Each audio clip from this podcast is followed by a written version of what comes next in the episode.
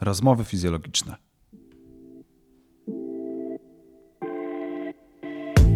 Zapraszam Cię do mojego autorskiego podcastu Rozmowy fizjologiczne.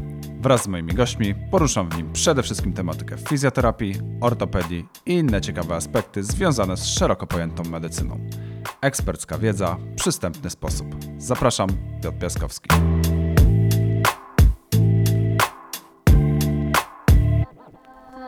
Witam serdecznie w 20 odcinku Rozmów Fizjologicznych. Moim dzisiejszym gościem jest Karolina Stępień, lekarz specjalista ortopedii i traumatologii narządu ruchu, na co dzień pracujący w Carolina Medical Center i w Centralnym Ośrodku Medycyny Sportowej.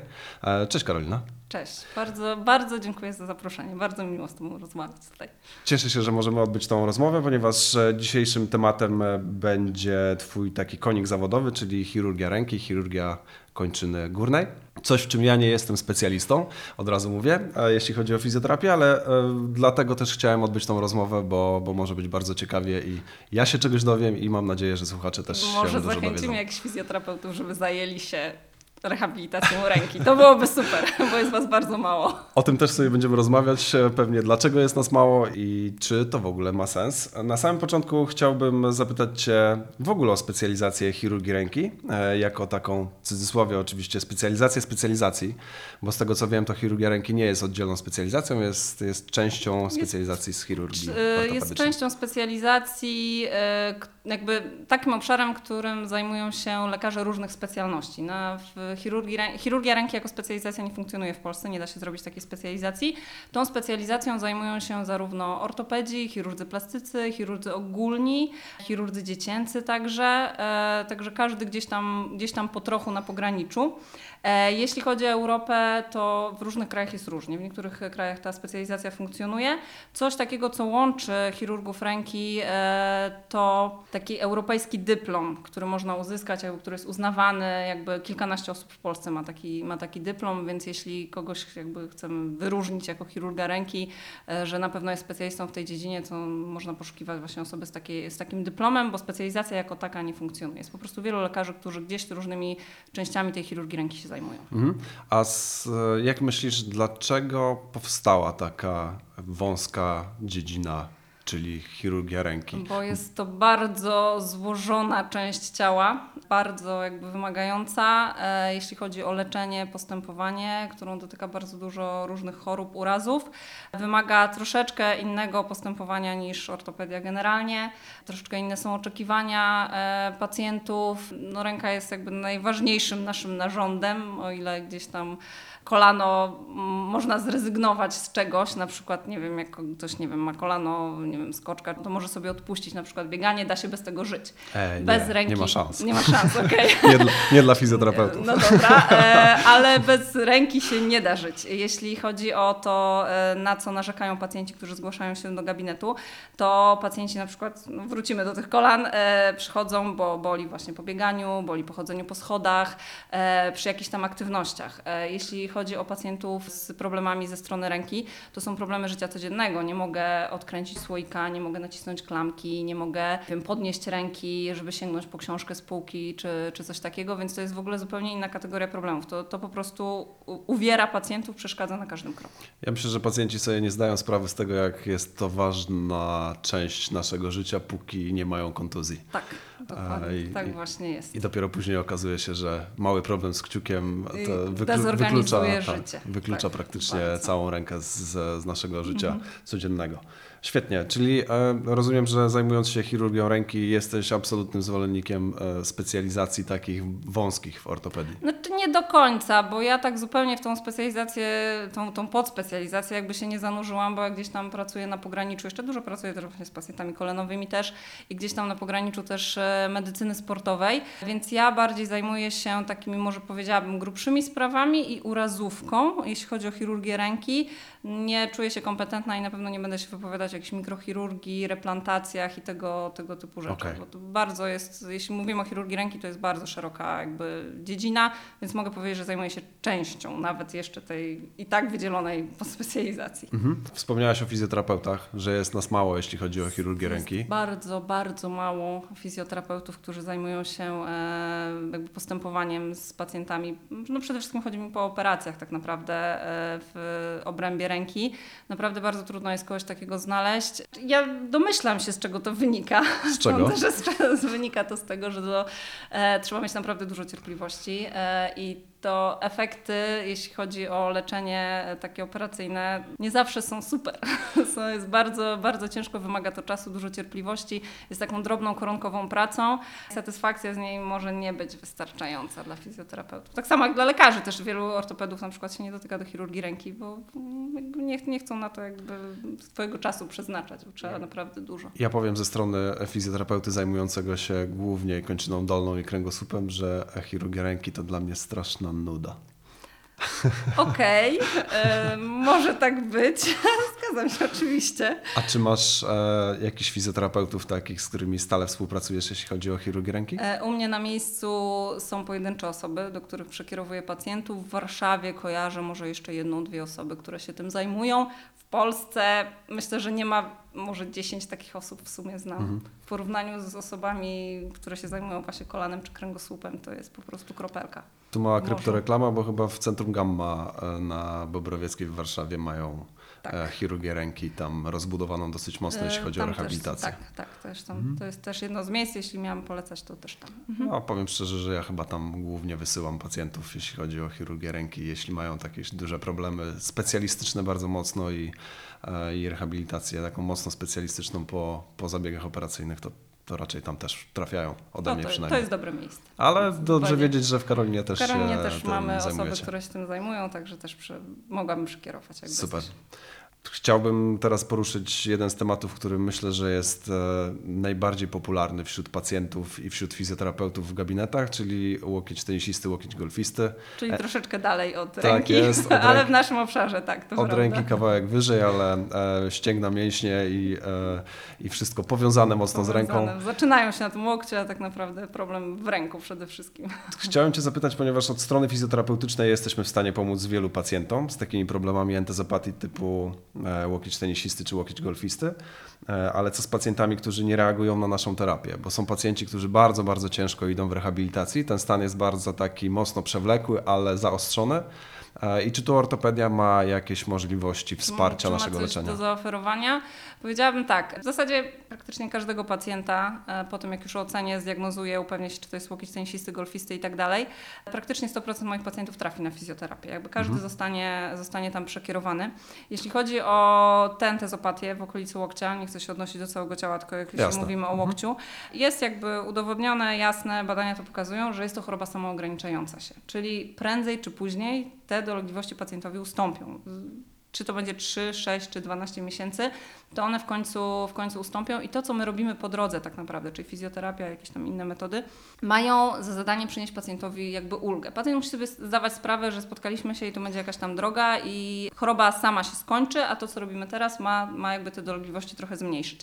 Jeśli nie zareaguje na fizjoterapię, części pacjentów, yy, ale, ale naprawdę sporo reaguje dobrze na fizjoterapię. Tak, Mam no, dobre doświadczenia, Ja absolutnie naprawdę. się z tym zgadzam, że To większość do, reaguje, to jest ale do mamy... Mhm. zrobienia naprawdę.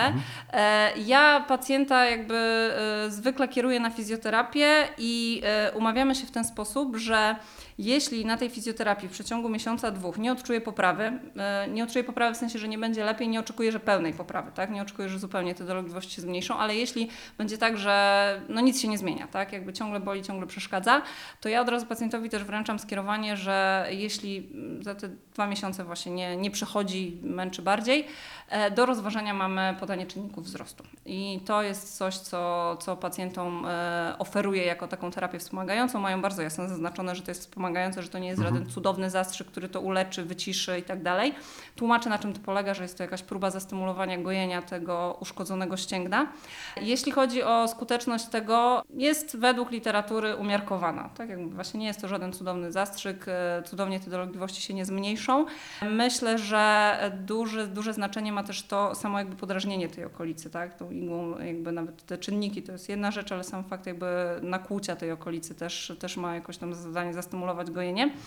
E, Też mi się tak wydaje, że mocno działa to na zasadzie ingerencji jakiejkolwiek tak naprawdę tak, w tej okolicy. dokładnie. Szczególnie jeśli weźmiemy badania w ogóle, które to, które to opisują, które to jakoś weryfikują, to jest je bardzo trudno porównywać, bo każdy w troszeczkę inny sposób przygotowuje czynniki wzrostu. Mhm. Także te preparaty, które tam są przygotowane są no, nieporównywalne tak naprawdę. Jasne. Jedni jedne rzeczy, inni drudzy z tych płytek wyciągają, Czyli ciężko to ustandaryzować po cię, prostu. bardzo ciężko to ustandaryzować. E, No ale właśnie ta, ta, chyba ta igła tam też jakby robi robotę. E, Ale też pacjentom zaznaczam w tym momencie, w którym wręczam to skierowanie, że to bardzo boli. Ten zastrzyk jest okropny po prostu. Najczęściej mdlejący pacjenci to jest właśnie, to jest właśnie ukucie w, w okolicy tutaj nadkłykcia e, bocznego. Okej, Także myślę, że też e, traktuję to jako taką jeszcze większą mobilizację do fizjoterapii. Tak, roz, rozumiem, że mają większą motywację, jak ich nastraszyć. tak, że, więc, więc przyznaję, że tak, prawie 100% pacjentów będzie ode mnie skierowanych zostanie na fizjoterapię po ustaleniu takiej diagnozy. Co nie wiem, dziesiąty może wróci na zastrzyk, tak? Okej. Operacja jeszcze rzadziej. To już naprawdę muszą być. A patrząc na etiologię, e, no bo e, łokieć tenisisty i golfisty e, mocno nam się kojarzy ze sportowcami, ale tak naprawdę to nie są zazwyczaj Mhm. To nie są sportowcy. sportowcy. To absolutnie to jest, e, to jest taki, tak jak myślę sobie o szablonie, który mam do wizyty opisu, to jest 40-50 lat.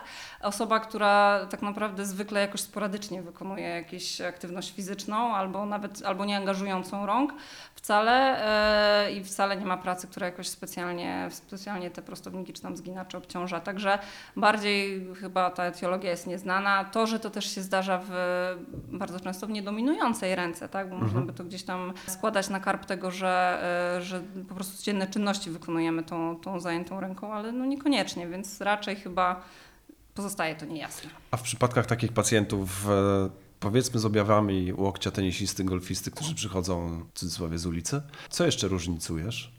E, Znaczy kierunku? każdy, każdy z moich pacjentów będzie miał wykonaną diagnostykę, e, Mhm. czyli na pewno będzie miał badanie USG zrobione u e, radiologa, który jest mi w stanie jakby dobrze to Który ocenić tą okolicę. Mhm. U części pacjentów jeszcze rozważam badanie RTG, jeśli mam jakieś, jakieś wątpliwości. Być może też zdarzyły, pewnie też zdarzyły mi się jakieś okazje, że zleciłam też rezonans magnetyczny, żeby się upewnić na 100%, że to nie jest inny problem. Okej, czyli USG jest podstawą tutaj dla Absolutnie badania u, u wprawnego, wprawnego radiologa. Czynniki wzrostu sobie już e, m, omówiliśmy. O to nie będę pytać, bo to było następne pytanie moje, ale, ale myślę, że wyczerpałaś fajnie temat. temat, więc, e, więc lecimy dalej. Kolejna rzecz, cieśń nadgarstka. Jednostka chorobowa sama w sobie, czy może skutek jakichś problemów gdzie indziej? Jak to widzisz? 80% etiologia niejasna, jak podają podręczniki.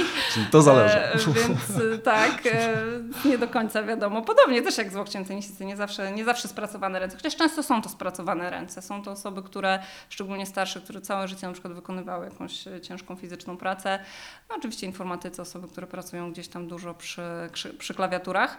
Kobiety w ciąży? Kobiety w ciąży też, no i właśnie tu chciałam jeszcze te kobiety w ciąży, to tam jest troszeczkę bardziej ta etiologia oczywista, bo to chodzi o te zmiany hormonalne, że to wszystko tam puchnie po prostu. Także w większości przypadków jednak nie do końca daje radę ustalić, co tam się dzieje, ale operacyjnie, jak tam wchodzimy, jakby nie ma wątpliwości do tego, że troczek jest po prostu tak przerośnięty, jest tak twardy, gruby, że ten nerw nie ma tam szans. Dobra, a jak widzisz fizjoterapię w przypadku No właśnie nie widzę. No właśnie nie widzę. E, tylko Kurczę, ja też nie. Widzę tylko w tych przypadkach właśnie kobiet w ciąży, osób, które mają bardzo łagodne, jakieś tam zwiewne objawy, u osób, które mm, gdzieś tam chorują reumatologicznie na przykład i mają jakiś tam rzut choroby i teraz się pojawiły te objawy, jest szansa, że jak się organizm wyciszy, to to też się uspokoi, to tylko wtedy widzę jakby opcję leczenia zachowawczego. U większości pacjentów, którzy mają klasyczne objawy, ręka cierpnie w nocy, yy, dezorganizuje im to życie, to moim zdaniem fizjoterapia jest stratą czasu. Jeśli jakiś fizjoterapeuta jakby ma zacięcie i ma ochotę to robić, to proponowałabym mu, jeśli ma taką możliwość, podejść i zobaczyć tą operację, bo po Okej. prostu przecinanie tego troczka to jest no, ten skalpel, który tam idzie potem, to, się, no, to jest bardzo twarda struktura, więc nie da się. Jakby nie widzę tego. Okej, a e, często zdarza Ci się na przykład objaw skrzyżowany, powiedzmy może tak, czyli cieśń nadgarstka z problemem kręgosłupa może? Pacjenci, którzy są operowani, mają przeciętą, e, przecięty troczek, Nie a objawy zdarzyło nie mi się, znikają? nie zdarza mi się. Myślę, że to może być tak. Znaczy, to się y, mi się jakby nie zdarzyło. Wiem, że to się jakby ma prawo zdarzyć, ale te objawy są dość takie Dość oczywiste. oczywiste tak? Mhm. E, Ci pacjenci, o których mówisz, tym właśnie skrzyżowanym objawem, to zwykle jest tak, że już jakby na etapie diagnostyki i tak dalej, my nie do końca jesteśmy jakby przekonani, mamy jakieś wątpliwości i pacjent jest o tym poinformowany, że być może być tak, że to nie pomoże, bo MG wskazuje na to, że ten problem może być wielopoziomowy, tak? Więc raczej to jest tak, że e, spodziewamy się, że może być na dwóch poziomach, o w ten sposób. Czyli w przypadku cieśni nadgarstka EMG jako diagnostyka. M, ale USG też. USG też. też. Nie, na tą No. chwilę nie jest rozstrzygnięte, jakby tak jak wziąć literaturę i, i stwierdzić, które badanie jest decydujące. Nie ma konsensusu, e, więc e, tak naprawdę troszeczkę to zabiera się do pacjenta właśnie e, o tym EMG, no to MG właśnie raczej, jeśli bym podejrzewała, że może to idzie wyżej, to wtedy na pewno MG. Jeśli mam wątpliwości i podejrzewam, że może być tak, że w sumie troczek nie jest przerośnięty, a problem jest, są opuchnięte zginacze na przykład w kanale, no to na pewno USG. Zdarzają się guzy w kanale nadgarstka też, Jasne. tak? Takie rzeczy, więc trochę dobieramy tą diagnostykę. A ideał to w ogóle zrobić EMG, USG, to już w ogóle jest komplet Czyli podsumow- najwygodniej. Podsumowując, fizjoterapia w cieśni nadgarstka głównie pooperacyjna. Nawet E, w po ty- operacji też niedużo jest tam do No roboty. tak, tam Bo trzeba pacjenta nauczyć posługiwać się ręką, żeby trochę chronił i tyle. praca z Znaczy, blizną ewentualnie tak, gdzieś tam, tak. żeby nie przerastała, to, to są dokładnie. rzeczy, które, A które tak warto. to, tak to jakby nie traćcie na to czasu, skupcie się na innych jakby problemach chirurgii ręki. Jak już jesteśmy w okolicy cieśni nadgarstka, e, przejdziemy sobie bardziej już do ręki, czyli palec trzaskający, strzelający. Skąd problem i jaki może, I to jak, jest jak można sobie podobna historia w sumie jak z cieśnią nadgarstka. Palce zatrzaskujące polega na tym, że przerasta troczek A1, czyli taki, który utrzymuje zginacze po stronie, po stronie dłoniowej właśnie przy ręce, że tak powiem. I e, przerośnięcie tego troczka powoduje albo jakieś takie strykanie, strzelanie, albo w skrajnych sytuacjach blokowanie się w ogóle palca w zgięciu. I tu sytuacja jest taka właśnie, jak, jak, tak jak opowiadałam w tej cieśni, że ten troczek zwykle jest tak przerośnięty, jest tak gruby, że co by ten fizjoterapeuta nie zrobił, to nie ma z tym szans, więc to też jest sprawa. No takie jest też moje doświadczenie. Ja nawet gdzieś tam za trzy tygodnie temu miałem pacjentkę, z, która przyszła na diagnostykę bezpośrednio z, właśnie z takim palcem zatrzaskującym i, i tutaj fizjoterapia chyba nie ma za bardzo opcji ma, no. działania. Dlatego właśnie ja w chirurgii ręki nie za bardzo, Ale bo wszystko, wszystko co robimy to Jest jeszcze parę rzeczy, które można porobić. Także. Kurczę, no ale no. akurat cieś nadgarstka, palec zatrzaskujący, to jeśli, jeśli pacjent zgłosi się do Was do gabinetu fizjoterapeutycznego, to jakby no nie traćcie czasu. Jasne. Trzeba go... miał być podcast fizjoterapeutyczny, a tutaj, hejtu, Ja tutaj- hejtujemy fizjo od góry nie, do dołu. Po prostu Ale to dobrze. trzeba dobrać pacjentów. Nie, absolutnie, my absolutnie nie hejtujemy, tylko no, po- podsumowujemy skuteczność, no bo to, to no, nie oszukujmy się, ale e, ja myślę, że często w fizjoterapii, akurat w chirurgii ręki jesteśmy zbyt hura optymistyczni w stosunku do tego, co możemy zrobić i, i warto to wyjaśnić po prostu. Tak, chirurgia ręki to jest naprawdę... e, Wymaga dużo pokory. Pacjenci, którzy zjawiają się również w gabinetach fizjoterapeutycznych, to nie tylko gdzieś tam palec zatrzaskujący się, czy, czy cieśń nadgarstka, ale też e, zmiany zwyrodnieniowe stawu nadgarstkowo-siódemcznego kciuka, e, czyli rizartroza. Zartroza. Co z tym możemy zrobić? E, Czy tu fizjoterapia ma trochę pola do popisu No i, i, tu ewentualnie... właśnie Mhm. zdecydowanie więcej fizjoterapeuci są w stanie zrobić. Nie wiem, jakimi wy to metodami robicie, nie wnikam. To ale, ale e, tam rzeczywiście e, jakby odpowiednio dobrane ćwiczenia, jakaś terapia manualna, postępowanie przeciwobrzękowe daje tym pacjentom ulgę. Pacjenci z rizartrozą, bardzo trudne słowo, to są zwykle kobiety. Mhm. U kobiet zdecydowanie częściej pojawia się ten problem, e, które zwykle gdzieś tam całe życie pracowały rękoma. E, to jest staw, który najszybciej ulega zmianom zwyrodnieniowym w obrębie ręki. No, moje, z mojego doświadczenia st- stomatologia, osoby piszące dużo, gdzieś nauczyciele, Mhm. Tak. e, to są osoby z, z rizartrozą Tak, i i z właśnie, i problemami. właśnie częściej kobiety. Tak naprawdę też w zależności od nasilenia objawów proponujemy, proponujemy pacjentom. To jest troszeczkę jak z chorobą zwyrodniową w pozostałych stawach, więc najpierw próbujemy zachowawczo, najpierw próbujemy właśnie jakichś metod fizjoterapeutycznych, niektórym pacjentom rekomendujemy ortezy. Czasami też rozważamy, wciskamy do tego stawu czynniki wzrostu i kwas hialuronowy też da się tam wpuścić, także... e, A doświadczenie z komórkami macierzystymi masz jakieś, jeśli chodzi o rizartrozę? Em, Ja generalnie nie mam zbyt wiele doświadczenia co do Okej. komórek macierzystych. Mam bardzo duży dystans do tego.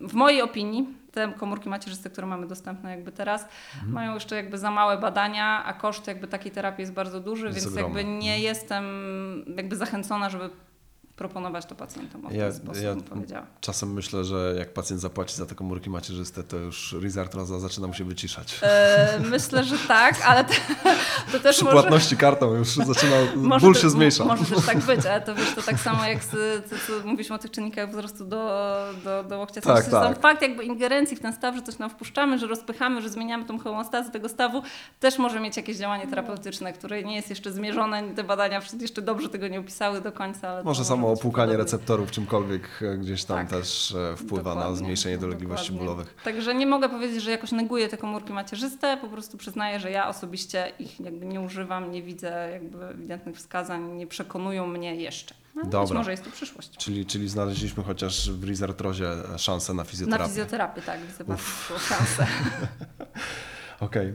Złamanie okolicy nadgarstka to jest e, O, to temat, temat bardzo, bardzo rzeka. szeroki, temat Tak. rzeka. Ja wiem, że, że nie będziemy go oczywiście całego om- omawiać, bo. No, musielibyśmy tutaj 12 godzin spędzić, a podejrzewam, że i tak nie I tak byśmy omówiliśmy, nie byśmy- nie tematu, omówilibyśmy no. nawet e, jednej dziesiątej tego, co, co warto. Ale, chciałbym- o ile e, Mhm. te jednostki chorobowe, o których powiedzieliśmy do tej pory, zdarzają się w określonych jakby grupach wiekowych, to złamania to jest Od pełen przegląd. Od do dzieciństwa do osób. najstarszych osób i wszystkimi się zajmujemy. Jakie najczęściej złamania E, W ty mojej, widujesz? w mojej praktyce to jest najczęściej złamanie końca dalszego kości promieniowej. To jest, nie mam dnia w gabinecie bez pacjentów na którymś tam etapie leczenia tych złamań, czy tam na dy- dyżuru bez świeżo złamanej tak zwanej promieniówki. E, Kości łódeczkowate, kości śródręcza, paliczki, wszystko. Kiedy podejmujesz leczenie zachowawcze, a kiedy operacyjne? Jeśli Tak chodzi bardzo o rękę, tak bardzo ogólnie, to wskazań takich bezwzględnych, jeśli chodzi o złamania, do leczenia operacyjnego, takie, że jakby trzeba, bo będzie koniec świata, to powiedziałabym, że nieco rzadziej niż w innych częściach ciała, bo szczególnie na przykład jeśli rozmawiamy o osobach starszych po złamaniach końca dalszego kości promieniowej, to moim zdaniem właśnie tutaj w tej części chirurgii ręki bardzo ważna jest rozmowa z pacjentem i e, sprawdzenie, jakie ma oczekiwania i przekazanie mu rzetelnej informacji na temat tego, jakie, jakie są spodziewane wyniki leczenia zachowawczego i co może osiągnąć leczeniem zachowawczym. Pacjenci na różnych etapach życia mają bardzo różne e, oczekiwania co do ręki. E, jest coraz więcej prac, które pokazują, że e, osoby starsze po jakimś tam 70-80 roku, roku życia są w stanie stolerować bardzo dużo. Są w stanie stolerować bardzo duże deformacje nadgarstka i im to nie przeszkadza i nie, nie trzeba się tam pchać z operacją. I druga strona medalu, czyli osoby młode, wymagające, gdzie czasami podejmujemy leczenie operacyjne ze względów kosmetycznych, bo na przykład palec będzie troszeczkę krzywy. Właśnie się szykuję do takiej operacji na jutro. Wiem, że dla tej pacjentki nie będzie to e, bardzo duży problem funkcjonalny, że ten palec pod koniec zgięcia będzie troszeczkę jakby skręcony, ale pacjentka nie może patrzeć na ten palec. Nie podoba jej się, że on jest troszeczkę krzywy i tak naprawdę z tego powodu podejmujemy się leczenia operacyjnego. Ona ma po prostu duże wymagania, chce, żeby ten palec był prościutki i dlatego się tego podejmujemy. No, myślę, że absolutnie dla osoby młodej jest, może to być gigantyczny Tak, problem. To, mhm, tak, dokładnie. I to właśnie dlaczego, dlatego trzeba sobie jasno jakby z pacjentem przekazać mu jasną informację, co, co w zależności od tego, jaką opcję leczenia wybierzemy. Jakby mam pewną jakby satysfakcję, bo jakby w swojej na razie praktyce zawodowej mam pacjentów, którzy wybrali jakieś tam opcje leczenia i potem byli z tego niezadowoleni, że żałowali, że a mogłem się jednak zoperować, albo w drugą stronę, a po co była mi ta operacja, bo na przykład doszło do powikłania czy coś takiego, Jasne. ale żaden z tych pacjentów nie zarzucił mu, że ja go o tym nie poinformowałam, że jakby byli, oni wiedzieli. Ja mówiłam, ale że, mówiłam, że mogło się coś takiego zdarzyć. No, się zgadzają, no tak, mogło się zdarzyć, tak, więc jeśli chodzi jeszcze o to leczenie operacyjne pierwotnie po złamaniach, też jest troszeczkę takiego pola do jakby nad, nadrobienia, bo jeśli e, doj, dojdzie do wygojenia w jakimś tam właśnie przemieszczeniu, to też jakaś jest tam opcja osteotomii, tak, więc gdzieś tam po już wygojeniu, wyrównania czegoś, tak, takie zabiegi też mam gdzieś tam na koncie, także gdzieś tam palec, który wygoił się właśnie krzywy, da się coś tam jeszcze potem zrobić, więc to nie jest tak, że zamykamy sobie furtkę Jasne. zupełnie. Wiadomo, że inne oczekiwania będzie miał koszykarz zawodowy, który ma ten nadgarstek używać w, w Tak, pracy który zawodowej. Ma zarabiać pieniądze. Dokładnie, ma zarabiać pieniądze i, i musi mieć pełną niepełnosprawność tego nadgarstka, inne gdzieś tam pani 78 lat, która spadła ze też, schodów e, i złamała. też tu e, też ważny aspekt jest szybkość powrotu do sprawności, tak? Bo też Jasne. niektó- dla niektórych te 6 tygodni, które na przykład mają spędzić w gipsie, jest szmatem czasu i oni muszą już szybciej, więc tej osobie też zaproponujemy leczenie operacyjne, żeby to ustabilizować i już zaczynać rehabilitację, a nie czekać 6 tygodni w unieruchomieniu i dopiero Mhm. ruszać z jakimś rozruszaniem. Fajnie, że zahaczyłaś o gips, bo wejdziemy sobie teraz w unieruchomienia. Wiem, że bardzo lubisz tematykę takich nowoczesnych rodzajów unieruchomienia i dlatego zapytam przekornie, czy według Ciebie gips w przypadkach złamań w XXI wieku ma jeszcze sens? Ma swoje miejsce ciągle i Mhm. myślę, że jeszcze długo będzie miał. E, oczywiście najfajniej jest założyć e, coś lekkiego, przewiewnego. Mamy już gipsy, w których można też pływać, także te gipsy nie są już te nowe, nie są już takie uciążliwe. A jeśli chodzi o samą ideę tak sztywnego unieruchomienia, czyli że zamykamy właśnie rękę nadgarstek zwykle, bo raczej, raczej dalej już tych gipsów nie zakładamy niż, e, niż do, do poziomu nadgarstka. Ciągle jest to najskuteczniejsza, najpewniejsza jakby e, metoda unieruchamiania niektórych złamań. Daje po prostu największy odsetek wygojonych prawidłowo złamań w określonych jakby przypadkach. Też musimy sobie zdawać sprawę z tego, że to jest brutalne. E, Nie wiem, czy pacjenci będą tego słuchać, ale my czasami e, zamykamy w tym gipsie pacjentów trochę na wyrost, bo wiemy, że jak mu damy tą ortezę, to po prostu nie będzie jej nosił. Tak, będzie ją zdejmować. E, tak, będzie ją zdejmować, a jeśli, a z drugiej strony, jeśli są pacjenci, jakby widzimy, że współpraca idzie naprawdę fajnie, to zdarza mi się trochę naginać w drugą stronę te zalecenia, więc zamiast im dać gips, właśnie daję im ortezę, bo ja wiem, że ta osoba będzie naprawdę uczciwie tą ortezę nosiła, więc... e, Jasne. To jakie są takie nowocześniejsze metody usztywniania? E, To jeśli chodzi o to jest zupełnie takie e, zupełnie sztywne unieruchomienie, czyli gipsy, no to mamy fajne gipsy, które właśnie e, nie utrudniają życia, bo można z nimi wejść pod prysznic, można z nimi pływać i, i tak dalej. I też są przewiewne, więc ta skóra pod spodem wcale tak się nie mm, oddycha. Jeśli chodzi o chirurgię ręki, znaczy ogólnie zajmowanie się złamaniami w obrębie ręki, tutaj już bardziej jeśli chodzi o palce czy kości śródręcza, to mamy też takie opatrunki termoplastyczne na miarę. Ja mam takie e, w gabinecie takie taśmy, czy tam takie plastikowe płachty, które pod, pod wpływem gorącej wody mogę sobie dowolnie wyginać, dowolnie sobie, e, dowolnie sobie ułożyć, e, dopasować indywidualnie na pacjenta. Nie ogranicza mnie, tak jak na przykład w przypadku ortezy, rozmiar, tak? bo or- ortezę mam SML, jak to jest gdzieś pomiędzy, to trochę Jasne. nie pasuje. Tam spada, w tej jest za ciasno. Ale mówisz o czymś e, innym niż e, taki typowy lekki gips, który Mówię o też czymś jest... innym. Mówię jeszcze o, innym. jeszcze takich bardziej spersonalizowanych Okej. opatrunkach, takich właśnie lekkich plastikowych. I na ten temat ja nalegałam, żebyśmy o tym rozmawiali, bo tutaj ja jako lekarz jakby zakładam to sama, jakby robię to sama. W wielu miejscach na świecie, szczególnie na zachodzie Europy, ta, e, ten obszar przygotowywania tych spersonalizowanych opatrunków na nadgarstek i rękę leży po stronie fizjoterapeutów. I e, uważam, że to jest bardzo dobre rozwiązanie, bardzo fajne rozwiązanie, dlatego że fizjoterapeuta z założenia spędza z pacjentem więcej czasu. Ja widzę się z pacjentem raz na kilka tygodni przez 20 minut w gabinecie. Fizjoterapeuta, jeśli jest jakby w toku, w toku leczenia, widzi się kilka razy w, ty, w tygodniu nawet, jakiś tam dłuższy czas i ma szansę ten opatrunek przygotować naprawdę super, a w razie potrzeby go poprawić. I e, przyznam szczerze, że jak miałam okazję być na kongresach e, właśnie dotyczących chirurgii ręki, na tych sesjach dotyczących właśnie tworzenia tych unieruchomień, to większość to byli fizjoterapeuci. Lekarzy było tam naprawdę niewielu, bo, bo fizjoterapeuci w, właśnie w wielu miejscach na świecie jakby zdominowali ten obszar i myślę, że jest to jakaś tam przyszłość. Mam nadzieję, że coraz więcej Ja myślę, że, że już, już ktoś, kto to słucha, e, zapisuje sobie pomysł na nowy biznes i się Jeśli zaczynasz tym zajmować. Ale ja mam, ja, mam, e, ja mam jedną wątpliwość, jeśli chodzi o Mhm. takie działanie.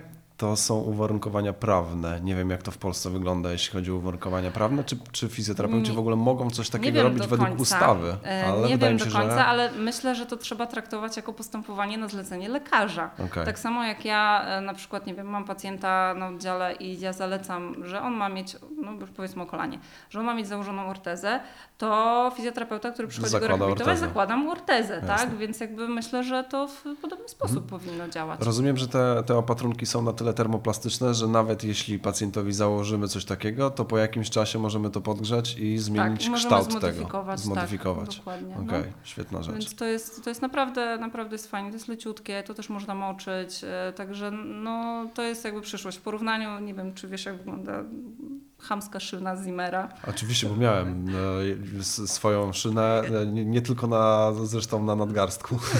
E, Jest to coś okropnego w ogóle. No i takie opatrunki w porównaniu z tą szyną, to przede wszystkim spełniają swoją funkcję, trzymają się, no są Jasne. nie była ziemia. Dobra, to tutaj wywołujemy do tablicy dział prawny Krajowej Izby Fizjoterapii. Jak, jak wy to widzicie? jak wy to widzicie? No to troszeczkę Może ktoś tak, się odniesie. Wiesz co, to może być trochę też tak jak e, w, jeszcze jak gdzieś byłam na studiach, to i być może w Polsce gdzieś dalej pracują gipsiarze. Tak, tak. Tak samo, tak? Jakby zleca się takiej osobie, że proszę założyć taki i taki gips. No i tutaj Wydaje mi się, że to działa na takiej zasadzie, że jeśli coś nie jest zakazane, a w, na pewno tego nie ma w, No. e, w ustawie o zawodzie fizjoterapeuty, bo ją przeczytałem od deski do deski kiedyś. i nic nie było o ortezach, I, I w ogóle nie było tej, tej informacji, to jeśli nie jest zakazane, to jest dozwolone, tak? Więc, Myślę, że myślę, że tak. No jakby więc też pola trudno, do popisu. jakby, no, trudno mi sobie wyobrazić, że rozsądny fizjoterapeuta zrobi jakby takim unieruchomieniem krzywdę. A Jasne. jeszcze chciałabym powiedzieć, bo, bo z tych opatrunków można robić nie tylko unieruchomienia, że w sensie, że na sztywno coś tam zamykamy i nie ruszamy, tylko też bardzo fajne e, szyny wspomagające e, fizjoterapię, tak? Czyli jakieś tam, e, jakieś takie przyplotki, które u, ułatwiają zgięcie, wyprost palca, więc też jako takie narzędzie wspomagające nie tylko jako unieruchomienie, ale też jako Jasne. uruchamianie. Czyli nie tylko zero-jedynkowo do złamań, ale również do Tak, do innych jakiejś jednostek właśnie chorobowych. rehabilitacyjnie też już konkretnie też warto to Mhm. rozważyć. Miałem jeszcze jedno pytanie, czy te szyny custom made, szyny personalizowane, to faktyczna potrzeba medyczna czy marketing, ale chyba już też odpowiedzieliśmy. Potrzeba, potrzeba. Naprawdę to ułatwia życie. Są pacjenci, którzy no naprawdę, jak, y, szczególnie jak pacjent ma porównanie. Jak kiedyś złamał Mhm. sobie rękę i nosił ciężki jakiś tam gips, a tutaj zdarza się kolejny uraz i dostaje ten y, albo lekki gips, albo właśnie opatrunek termoplastyczny, to ci pacjenci najlepiej widzą tą różnicę, bo ja to Jasne. mogę sobie opowiadać. Ja osobiście nigdy gipsu nie miałam, także ja to tylko z opowieści, tak. E, ale oni naprawdę są, przychodzą i są wdzięczni na tych kontrolach, że super, że pani doktor mi to zaproponowała, ale po prostu jest inne życie, tak? Jadę No. na wakacje, nie przeszkadza, jest super. Naprawdę? Nawet stawu skokowego skręconego? Szyna? E, Nie było? Nie no, kciuk miałam kiedyś troszkę skręcony, taką, miałam maleńką taką szynę, a tak to nie. Okej. Nie miałam, nie, takich unieruchomień nie miałam. Ja zawsze do takich e, nowinek e, podchodzę z dystansem. Może nie wyglądam, ale jestem dosyć mocnym tradycjonalistą, jeśli chodzi o, e, o medycynę. E, No ale to mnie przekonuje, przynajmniej słownie. Musiałbym zobaczyć, jak to wygląda i mam Zapraszam. nadzieję, dobra, mam nadzieję, że zobaczę, jak to wygląda na żywo. Nie na sobie, ale, ale może na którymś Mam, z mam pacjentów, który nadzieję będzie kiedyś, tak, mam nadzieję kiedyś na troszeczkę na Instagramie może więcej pokazać. Jak, jak zakładam te opatrunki, to, to myślę, że to może być ciekawe. Myślę, też że to jest absolutnie na- bardzo, bardzo dobry pomysł, bo, bo, bo 99% nie tylko pacjentów, ale i fizjoterapeutów nie ma zielonego pojęcia, że coś takiego istnieje, więc fajnie byłoby coś takiego pokazać. A przy okazji polecamy Instagram e, Karolina Stępień, ortopeda, Podkreślnik ortopedia. ortopedia. E, więc zajrzyjcie, bo bardzo fajne treści, czasem e, fajne quizy, więc ja tam zawsze klikam, odpowiadam, czasem trafiam. To raczej częściej trafiasz. ja podglądam, kto jak odpowiada. Okej, dobrze wiedzieć. E, Także nie wstydzę się, odpowiadam. Przejdźmy sobie do następnego tematu, bardzo trudnego. Jeśli jesteśmy już przy złamaniach i przy unieruchomieniach, to e, musimy zahaczyć o algodystrofię współczulną, znaną bardziej jako pewnie zespół Sudeka. Zespół Sudeka i to jeszcze kilka dystrofia, po prostu jest kilka nazw, które funkcjonują. Czy znamy Tak. etiologię? Nie znamy, nie wiadomo dlaczego to się zdarza. Osoby, które pracują z pacjentami e, właśnie po złamaniach w obrębie ręki, e, widzą profil pacjenta. Jakby ja, jakbym ja i moi tam koledzy widzimy po wejściu do gabinetu, że ten pacjent rokuje na algodystrofię. Jest, jak jest taki profil pacjentów, którzy w ogóle tą algodystrofię da się w cudzysłowie wygenerować w każdej części ciała. Jakby Mhm, kolano tak, nawet po zgadza się. urazie, bez, nawet bez leczenia operacyjnego e, potrafi też wygenerować algodystrofię. Mam takich Ale, pacjentów tak, niestety. ale rzeczywiście, w, jeśli chodzi o nadgarstek, szczególnie złamanie końca dalszego kości promieniowej, to to jest dominujący uraz, po którym coś takiego można wygenerować. Są to osoby takie, mm, nie chcę powiedzieć labilne psychicznie, ale o takim mm, specyficznym, specyficznym profilu psychologicznym, takie bardzo przejmujące się, Introwertycy i- bardzo, tak, mocno. takie zamknięte, takie trochę nieufne w ogóle do naszego leczenia. Często kobiety 50-60 lat. I to się akurat wpisuje w grupę pacjentów, którzy doznają po prostu złamania końca dalszego kości Jasne. promieniowej, więc literatura jednoznacznie nie, nie jest w stanie określić, że to jest czynnik ryzyka, czy to po prostu jest kwestia statystyki, że te osoby doznają tego złamania i generują. Ja mam doświadczenie z młodszymi dużo, 30 parę lat, E. Tak, ale ja też głównie tak z, ze stawem skokowym i ze stopą. Tak, sta, tak staw skokowy stopa też, no to już będzie częściej niż kolano. Tak. Bardzo trudny problem. Trzeba poświęcić pacjentowi dużo czasu, żeby w ogóle wytłumaczyć, na czym polega ta, ten problem, co tu się wydarzyło, czego się należy spodziewać i ogromna rola fizjoterapeuty. Generalnie ja takiego pacjenta nie puszczę w cudzysłowie na miasto, że o ile po jakichś tam pewnych urazach, uszkodzeniach e, jestem przekonana, że większość fizjoterapeutów sobie z tym poradzi, to z algodystrofią współczulną może nawet nie tyle, że nie boję się, że boję się o to, że ktoś sobie gdzieś w cudzysłowie na mieście nie poradzi, ale ja potrzebuję być z fizjoterapeutą w stałym kontakcie, jeśli prowadzę osobę z algodystrofią współczulną, bo to jest po prostu to jest droga przez mękę. Związujemy się na parę tygodni, miesięcy, Miesięcy mm, prawie roku i mm, razem z fizjoterapeutą po prostu nad tym pacjentem jakby pracujemy, spędzamy czas, bo to jest e, ruch jest najważniejszy w ogóle w algodystrofii, że po prostu trzeba ten staw rozruszać, nie można pozwolić na to, żeby, żeby taki właśnie nadgarstek się zastał, bo to będzie koniec świata. Czyli wprowadzasz fizjoterapię od samego początku. Od samego początku, w ogóle Mamy już w te trzy momencie, kiedy mam e, myśl, że to jest algodystrofia, to już po prostu ten pacjent ma być już na leżance u fizjoterapeuty i ma ten fizjoterapeuta go cisnąć.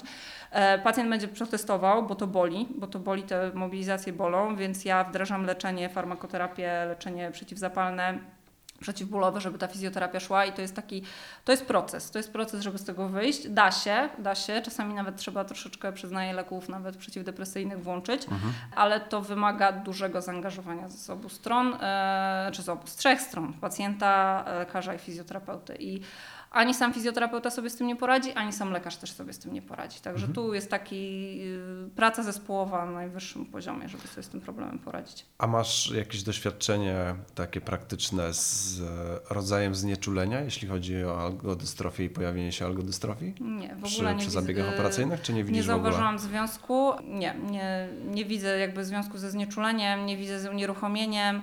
Moja ostatnia pacjentka, która wygenerowała algodystrofię, to była pacjentka, która miała ledwo co przemieszczoną promieniówkę. Była z tych pacjentów współpracujących, Mhm. więc co więcej, była w szynie gipsowej tylko przez tydzień, a potem dostała ortezę, gdzie większość pacjentów dostanie gips na 6 tygodni. Jasne. I taka pacjentka wygenerowała mi algodystrofię, więc y, nie ma reguły. Czyli nie Nie, była operowana, mm, nic tam nie dotykaliśmy. Bardzo szybko mm, została uwolniona z unieruchomienia i tak wygenerowała. Także... No, bardzo, bardzo podobnie ja przynajmniej z doświadczenia widzę to w okolicach stawu kolanowego i to są też pacjenci często właśnie tacy introwertyczni i tacy specyficzni, może tak, tak jak tak po latach nazwijmy. pracy się już jakby widzi, kto, Mhm, kto rokuje Zgadza na tą się. chorobę. Już nawet przed zabiegiem operacyjnym, jeśli ten pacjent musi mieć zabieg operacyjny, to Tak. ju, już mamy wątpliwości, Mamy czy to jest wątpliwości, najlepszy czy się pomysł. do niego tak. I to jest właśnie też, to jest jakby przy, a propos kwalifikacji do leczenia złamań, osobę, którą będę widziała, że, że tak rokuje na to, a wiem, że ten, ta operacja nie jest jej niezbędna, będę odradzała, bo po prostu Mhm. wiem, że możemy się tylko, mogą kłopoty się prosić. Tu taki mały przekaz do fizjoterapeutów, że jeśli ktoś faktycznie ma doświadczenie i, i, i widzi coś takiego, to warto jednak z lekarzem ortopedą tak porozmawiać, samo, bo czasami dokładnie. można zmienić po prostu zdanie i zostawić coś zachowawczo. Tak, E, tak, tak, bo, tak. bo ci pacjenci to jest po prostu katorga potem. Tak. No, no to są I też, miesiące pod- walki. Dokładnie i to też pod względem właśnie wyłapywania tej algodystrofii, bo tak samo ja widzę pacjenta co ileś tam tygodni, fizjoterapeuta częściej i zdarzają mi się telefony, że dzwoni do mnie fizjoterapeuta i mówi, no nie, ten pacjent mi się nie podoba, jest algodystrofia, także umawiamy się na wizytę, wdrażamy leczenie, tak. Mhm. Zahaczyłem o to znieczulenie, e, bo byłem ciekawy, ale oprócz tego wiem, że e, wykonujesz zabiegi w znieczuleniu o nazwie. Valant. Mogłabyś coś po- więcej powiedzieć na To ten jest temat? ciekawe, też, też chciałam o tym powiedzieć właśnie z punktu widzenia e, fizjoterapii, bo jest to znieczulenie, forma znieczulenia miejscowego, White Awake Local Anesthesia, no tourniquet, czyli bez, e, bez zacisku, bez, e, bez niedokrwienia takiego w formie, w formie mankietu. Jest to o tyle fajne znieczulenie, e, że z mojej perspektywy ortopedycznej ja mogę sobie przeprowadzić zabieg, podczas którego pacjent jest znieczulony, więc nie odczuwa bólu. Nie krwawi mi to, ponieważ tam jest tam dodatek adrenaliny w tym znieczuleniu. A co jest najważniejsze, pacjent w czasie tego zabiegu ma możliwość ruszania ręką. I to jest bardzo ważne w przypadku, kiedy na przykład rekonstruujemy ścięgna czy mobilizujemy jakiś staw, że śródoperacyjnie ja pacjentowi po wykonaniu zabiegu póki ma jeszcze tą rękę znieczuloną i go to nie boli, ja mu pokazuję wyraźnie, że proszę, proszę spojrzeć, ten palec się w pełni prostuje, ten palec się w pełni zgina, mamy tu pełną ruchomość, nie wiem, te, te, tej okolicy. Po zabiegu, jak trafi na fizjoterapię, ma to tam utrzymać. Jeśli to widział, jakby, że to jest możliwe, to będzie mu łatwiej. Tak? Że jakby nie jest to tak, że ja, że nie wiem, obudził się po operacji, ja mówię, na stole mi się zginął, a tu teraz wszystko boli, obrzęknięte. Nie, to niemożliwe. To się Kolega nie zdjęło. nagrał. Tak. E, a to samo zobaczenie właśnie jest bardzo, bardzo takie przekonujące dla pacjentów i e, no i pozwala też zacząć tak naprawdę fizjoterapię od razu, bo ja temu pacjentowi, jak on już jakby wychodzi z, sali, jeszcze jak to znieczulenie działa, to on już ma tymi na przykład palcami machać, więc po prostu od zerowej minuty po zabiegu jest fizjoterapia. Nie masz e, o to wojny z anestezjologami, którzy Nie, jak tam pacjent patrzy na tą, ten zabieg operacyjny i widzę te 220 tętno i Nie, nie. pacjent schodzi. Anestezjol... To tak, tak, aż takich już nie. No jak są jakieś, jeśli są wątpliwości co do ogólnego stanu pacjenta, na pewno nie zaproponuję mu zabiegu. To Nie, musi być ogólnie żartuję. zdrowa osoba, ale myślę, że anestezjolodzy mają tyle pracy, że e, oni nawet myślę, że się cieszą, że ja ten zabieg wpisałam bez ich udziału czasami, że oni już mogą iść do domu, bo te zabiegi są na koniec dnia oczywiście. Oni Jasne. kończą swoją pracę, ja siadam do tych zabiegów, więc oni to... to No ale to wyzwanie dla ortopedy, żeby, e, wydaje mi się, żeby kontrolować wszystko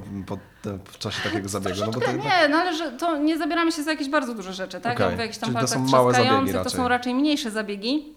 Więc, więc jakiegoś tam ogólnego stanu tak bardzo jakby kontrolować e, nie musimy. Trochę należy to traktować, e, znaczy nie chcę jakby mm, umniejszać jakby rangi tych zabiegów, Mhm. bo tam jakby rekonstruujemy, jakoś zespalamy jakby mm, no, oczywiście normalnie jest, jest, złamania. jest wąska, wąska grupa pacjentów, których Tych, można których można zakwalifikować, ale to jest trochę tak jak znieczulenie u stomatologa, tak jak Jasne. znieczulenie jakieś tam miejscowe, jak nie wiem, gdzieś tam podajemy coś, jakiś lek czy coś takiego, więc to jest do, do opanowania. Okej. E, Odpowiedziałaś częściowo na trudnych i najtrudniejszych pacjentów, jeśli chodzi o Najtrudniejsi algodystrofię. są z algodystrofią. A gdybyśmy wykluczyli algodystrofię, to tacy najtrudniejsi pacjenci dla Ciebie to? Mm, Pacjenci, którzy nie współpracują po prostu, tak? Którzy, y, znaczy może nawet nie współpracują, ale robią jeszcze na złość w sumie Okej. i jakby to leczenie zamiast się przyspieszać, to się przedłuża, oni wiedzą lepiej i tak dalej, ale to chyba niezależnie od obszaru. To każdy lekarz, każdy, czy każdy właśnie ortopeda. e, I fizjoterapeuta taki- też I fizjoterapeuta też, tak. I pacjenci, którzy e, obarczają jakby winą za niepowodzenia leczenia wszystko wokół oprócz siebie, Mhm. tak? Jakby w tej mojej działce szczególnie widać, że to wymaga pracy, tak? Zresztą w pozostałych częściach ciała tak samo, E, że trzeba po prostu poświęcić jakiś tam okres czasu na to, żeby wykonać te ćwiczenia, żeby na czymś tam się skupić, nie wiem, tą ortezę trzeba nosić i tak dalej. I jeśli oni jakby nie wkładają tego wysiłku, ale oczekują i obarczają, że wszystko wokół jest źle, nie wiem, był korek, nie mogli dojechać na fizjoterapię i dlatego tu idzie źle, no to ręce mi opadają. No na fizjoterapii my też e, mamy takie case'y, które no, jeśli nie współpracują, no to informujemy, że będzie to wyglądało tak i tak i myślę, że Wy jako ortopedzi też to robicie i Tak, są zapisy w historii jakby choroby, Absolutnie. jest wszystko, wszystko jest udokumentowane. Ci niewspółpracujący pacjenci się trochę dzielą na dwie grupy. Ci, którzy nie rozumieją i ci, którzy absolutnie wszystko rozumieją, ale że... rozumieją Ale i tak to inaczej. po swojemu, tak. I tak, ci drudzy chyba są dokładnie. bardziej niebezpieczni niż ci Dokładnie. pierwsi. Tych Aczkolwiek- pierwszych można wyedukować jeszcze, ale tych drugich, Tych drugich- czasem, czasem tracę, tracę Czas- nadzieję na to. Czasem nie ma, nie ma na to szans, e, ale z ręką to jeszcze jest troszkę tak, że na ręce się nie chodzi. Tak, Więc to to, jeśli on e, na przykład e, wygoi mi jakieś złamanie e, w, przy kurczu palca, nic się nie stanie, naprawdę. Może będzie gdzieś tam mu przeszkadzało, zahaczało, e, denerwowało, jak będzie patrzył, ale da się z tym żyć. A na przykład już przykurczone kolano, chodzenie na przykurczonym kolanie jest katastrofą. No tak, tak? to jest Więc, katastrofa. e, Nie tylko dla pacjenta, ale też dla jego stawu. dla jego stawu i to się skończy źle i będzie tylko gorzej, Mhm. tak? Więc, jeszcze, więc tu jest ten e, margines taki w części schorzeń w obrębie ręki, że można na pewne rzeczy machnąć ręką, tak? I jakoś to będzie po prostu. Powiem szczerze, że trochę mnie zainteresowałaś tą chirurgią ręki i fizjoterapią Ale ręki. tylko trochę. Tylko trochę. I Jeszcze mnie nie namówiłaś, żebym się na, wyspecjalizował na, w chirurgię ręki, ale e, będę na to patrzył trochę, e, trochę bardziej przychylnym okiem. E, więc bardzo Ale może na, może na tych szkoleniach, które prowadzisz, tam będziesz zapraszał tych ludzi, że słuchajcie, to kolano spoko, ale może tą ręką się jeszcze zajmiecie. E, Tutaj chyba zostawię jeszcze pole dla tych, którzy pracują w praktyce, bo ja zawsze podchodzę do szkoleń e, w taki sposób, że jeśli czegoś praktyce nie używam albo nie pracuję w czymś w praktyce, to staram się z tego nie szkolić, bo No to nie, nie musisz szkolić, no nie tak mam do może tego kompetencji, ale, tak ale może tak- znajdę kogoś, kto będzie No, w, w tym temacie specjalistą i może Tak. się uda coś ruszyć, ruszyć, jeśli no. chodzi o chirurgię ręki, bo, bo to jest absolutnie, absolutnie zaniedbana dziedzina, jeśli chodzi o fizjoterapię. Mm, Myślę, że to prawie jak e, rehabilitacja pulmonologiczna przed 2020 rokiem, to mniej więcej do tego Tak, bym porównał. tylko że po dwu- 2020 trochę się zmieniło w tej pulmonologicznej, tak, pulmonologicznej tak, a chirurgii nadal ręki chirurgia ciężko, ręki no. e, można powiedzieć, że leży w, w Polsce, ale wydaje mi się, że w ogóle nikt nie szkoli w tym temacie, jeśli chodzi o fizjoterapię, albo nie. Wydaje Myślę, mi się, że, że, nikt nie szkoli. y, myślę, że osoby, które się tym zajęły, te kilkanaście, może dziesięciu fizjoterapeutów w Polsce, których ja kojarzę, znam, że wiem, że się tym zajmują, mają po prostu sami ogromne zacięcie do tego Mhm. i po prostu wzięli się za to, e, związali się z lekarzami, którzy, którzy się tym zajmują i mają bardzo w sobie dużo jakby zapału do tego. Własna motywacja, tak, Mhm. żeby ktoś popchnął, pokierował. Nie, bardzo, Świetnie, bardzo oby, oby byli następni po Oby nich. byli. Mam jeszcze jedno pytanie, które zawsze zadaję wszystkim e, Ja moim słuchałam gościom. poprzednich podcastów, ja wiem, jakie to będzie pytanie. Mam odpowiedź. Nawet dwie. No to pytam, jeśli nie ortopedia, to co? Czym mogłabyś się zajmować, gdybyś nie została lekarzem? Ja mam e, tutaj swoje podejrzenie, ale jak odpowiesz, to może powiem Ci, o czym ja myślę. Dobra, to ja mam dwie odpowiedzi. Pierwsza jest oczywista. E, Gdyby mi zabrali ten dyplom lekarski, to wyciągam drugi z kieszeni, bo jestem też dietetykiem. Także e, mogłabym śmiało się tym zająć. Mhm. A tego nie sobie- wiedziałem. A widzisz, a jest napisane na stronie. Można, jest ta informacja jest do wyszukania. Nie na Karoliny, Karolina Medical Center. Tam Jest tego nie ma. chyba. Nie. Jest Nie napisane, ma, bo dzisiaj czytałem. O kurde, to muszę uzupełnić. W każdym razie jestem dietetykiem. Równolegle do medycyny skończyłam dietetykę, mam licencjat. Jak sobie odświeżę te wiadomości, jestem w stanie ułożyć jadłospis. Także Mhm. jestem w stanie to ogarnąć, ale jest to odpowiedź bliska medycyny, więc pewnie niesatysfakcjonująca. Mhm. E, Ta satysfakcjonująca będzie taka, że zajęłabym się czymś związanym z językami obcymi na pewno. Wiedziałem. E, Właśnie o to Także albo bym była tłumaczem, albo zamknęłabym się na, w jakimś uniwersytecie i e, zajęła się teorią wielojęzyczności. No, To jest bardzo ciekawe. Ktoś, kto kwestia. rozmawia e, płynnie w czterech językach, e, myślę, że musi mieć do tego duży talent, więc gratuluję. bo- Nie, to jest dużo pracy po prostu i No, taka tego smykałka. Talent mm, myślę, że mniej. Myślę, że po prostu trzeba, trzeba poświęcić temu trochę czasu, ale jest to bardzo satysfakcjonujące. Świetnie. Także- Jakieś języki następne w planach? Nie, nie. Na Aktualnie jest? Zdecydowanie nie. Myślę, że zaraz ukraiński wejdzie na tapetę, bo po rosyjsku to już, już jakby bez problemu rozmawiam z tymi pacjentami, ale już jest ich ostatnio tyle, że, że po ukraińsku też już pewnie zaraz zacznę coś tam opowiadać. Bardziej e, skupiam się już na doszlifowywaniu tych języków, Okej. które znam. Nie mam, nie mam ochoty na kolejne. Czyli mamy tutaj polski, angielski, rosyjski i Hiszpański. hiszpański.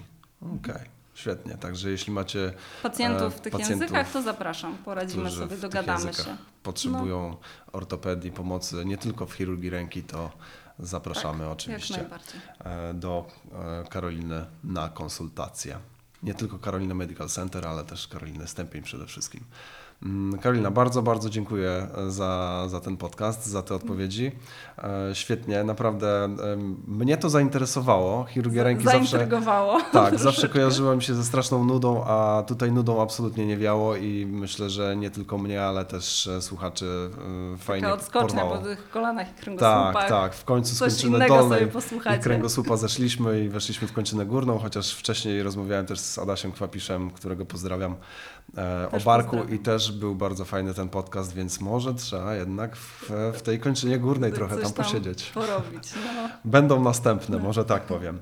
E, jeszcze raz bardzo dziękuję. Ja też bardzo dziękuję. Bardzo Świetna miło. rozmowa, fajnie, że się poznaliśmy. Wreszcie spotkaliśmy się pierwszy raz na żywo na SC ostatniej. W Paryżu, podkreślmy Paryżu. w jakim miejscu. Tak jest, w, w pięknym Paryżu i e, mam nadzieję, że to nie będzie ostatnia nasza rozmowa. Na pewno nie w kuluarach no, i mam nadzieję, że też nie jako podcast. Myślę, że uda się, mam nadzieję, że się uda kiedyś jeszcze zrealizować któryś z odcinków. Super, Jeszcze bardzo raz. dziękuję. Z przyjemnością przyjdę się tu jeszcze nagrać. Świetnie. To dziękujemy. To był 20 odcinek e, podcastu Rozmowy Fizjologiczne. E, Zapraszam już teraz na następne odcinki z następnymi gośćmi. Dzięki. To już koniec dzisiejszych rozmów fizjologicznych. Jeśli podoba Ci się mój podcast i chcesz wspierać jego rozwój, pamiętaj o przycisku subskrybuj w kanale podcastowym, a także śledź moje poczynania na bieżąco na Facebooku, Instagramie oraz blogu fizjologika.pl. Koniecznie zajrzyj również na platformę Fizjologika Store, do której link umieściłem w opisie tego podcastu. Znajdziesz na niej webinary oraz szkolenia online dotyczące fizjoterapii ortopedycznej. Bardzo doceniam, że słuchasz mnie na bieżąco, dlatego specjalnie dla Ciebie przygotowałem kod rabatowy o nazwie Rozmowy Fizjologiczne. Możesz go wykorzystać na wszystkie produkty w moim sklepie. Do usłyszenia wkrótce w kolejnym odcinku.